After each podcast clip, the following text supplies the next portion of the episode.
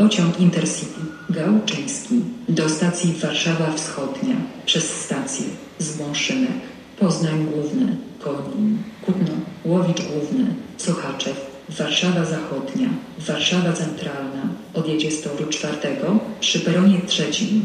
Prosimy zachować ostrożność i nie zbliżać się do krawędzi peronu.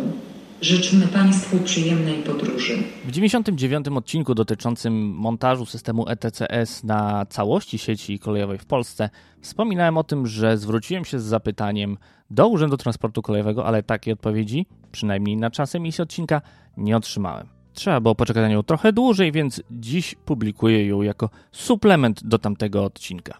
A pytałem m.in. o to, Jakie pytania badawcze zostały postawione w ekspertyzie, na którą powołał się w swoim tekście prezes Urzędu Transportu Kolejowego, jakie przyjęto w niej założenia oraz w jaki sposób weryfikowano postawione w niej tezy, czy w ogóle rozważano inne rodzaje systemów zabezpieczenia ruchu, takie jak Mirel, LS, Indusi czy PZB, jakie linie wytypowano do objęcia systemem ETCS poziomu pierwszego ograniczonego nadzoru, czy analizowano możliwości techniczne związane z instalacją urządzeń ETCS na istniejącej infrastrukturze, w tym na urządzeniach mechanicznych i semaforach kształtowych, w jaki sposób oszacowano przybliżone koszty instalacji takiego systemu, a także zapytałem o szacunkowe koszty modernizacji urządzeń sterowania ruchem kolejowym, które nie nadawałyby się do współpracy z urządzeniami ETCS.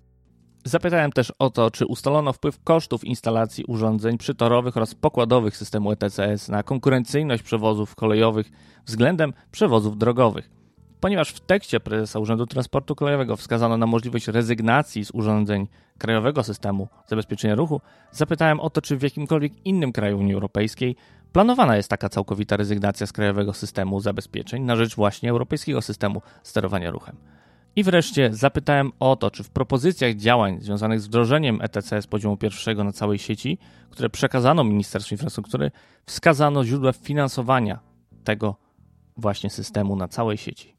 Oto odpowiedź Tomasza Frankowskiego, rzecznika Urzędu Transportu Kolejowego.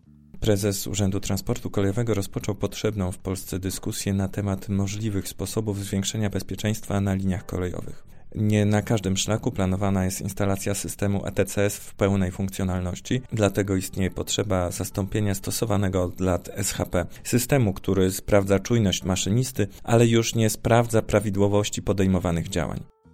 Ekspertyza, która przywołana jest w artykule, nie miała charakteru pracy naukowej, a więc nie stawiano w niej tez i pytań badawczych, miała charakter profesjonalnej opinii doradczej.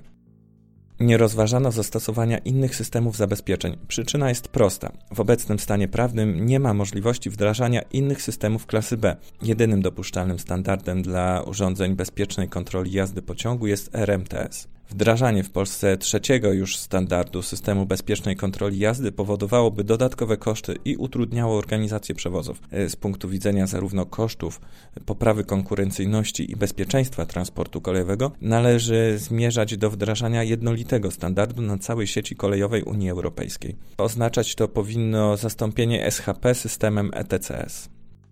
System ETCS Limited Supervision powinien objąć wszystkie linie, na których nie przewidziano instalacji pełnego ECTS w obecnym krajowym planie wdrażania TSI sterowania, a które objęte są dyrektywą w sprawie interoperacyjności.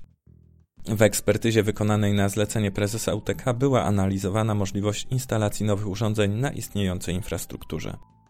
Koszty oszacowano w oparciu o dane historyczne dotyczące zrealizowanych wdrożeń w Polsce i innych państwach członkowskich Unii Europejskiej. Analiza wykazała, że nie ma konieczności modernizacji urządzeń SRK warstwy podstawowej w celu zabudowy ETCS Limited Supervision.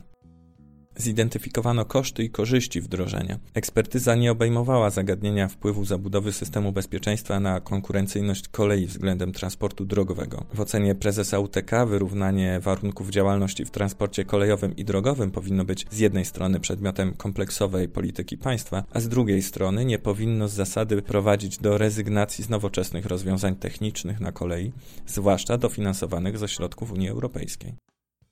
Rezygnacja z systemów klasy B jest planowana przykładowo w korytarzu Ren-Alpy na odcinku belgijskim. Daty likwidacji systemów klasy B zostały także wskazane w austriackim planie wdrażania TSI sterowania. Duński krajowy plan wdrażania zakłada natomiast każdorazową likwidację systemu klasy B w chwili instalacji na linii ETCS. Warto jednak pamiętać, że systemy klasy B w różnych krajach mają różne funkcjonalności. Finansowanie miałoby się odbywać w oparciu o fundusze Unii Europejskiej. Bye.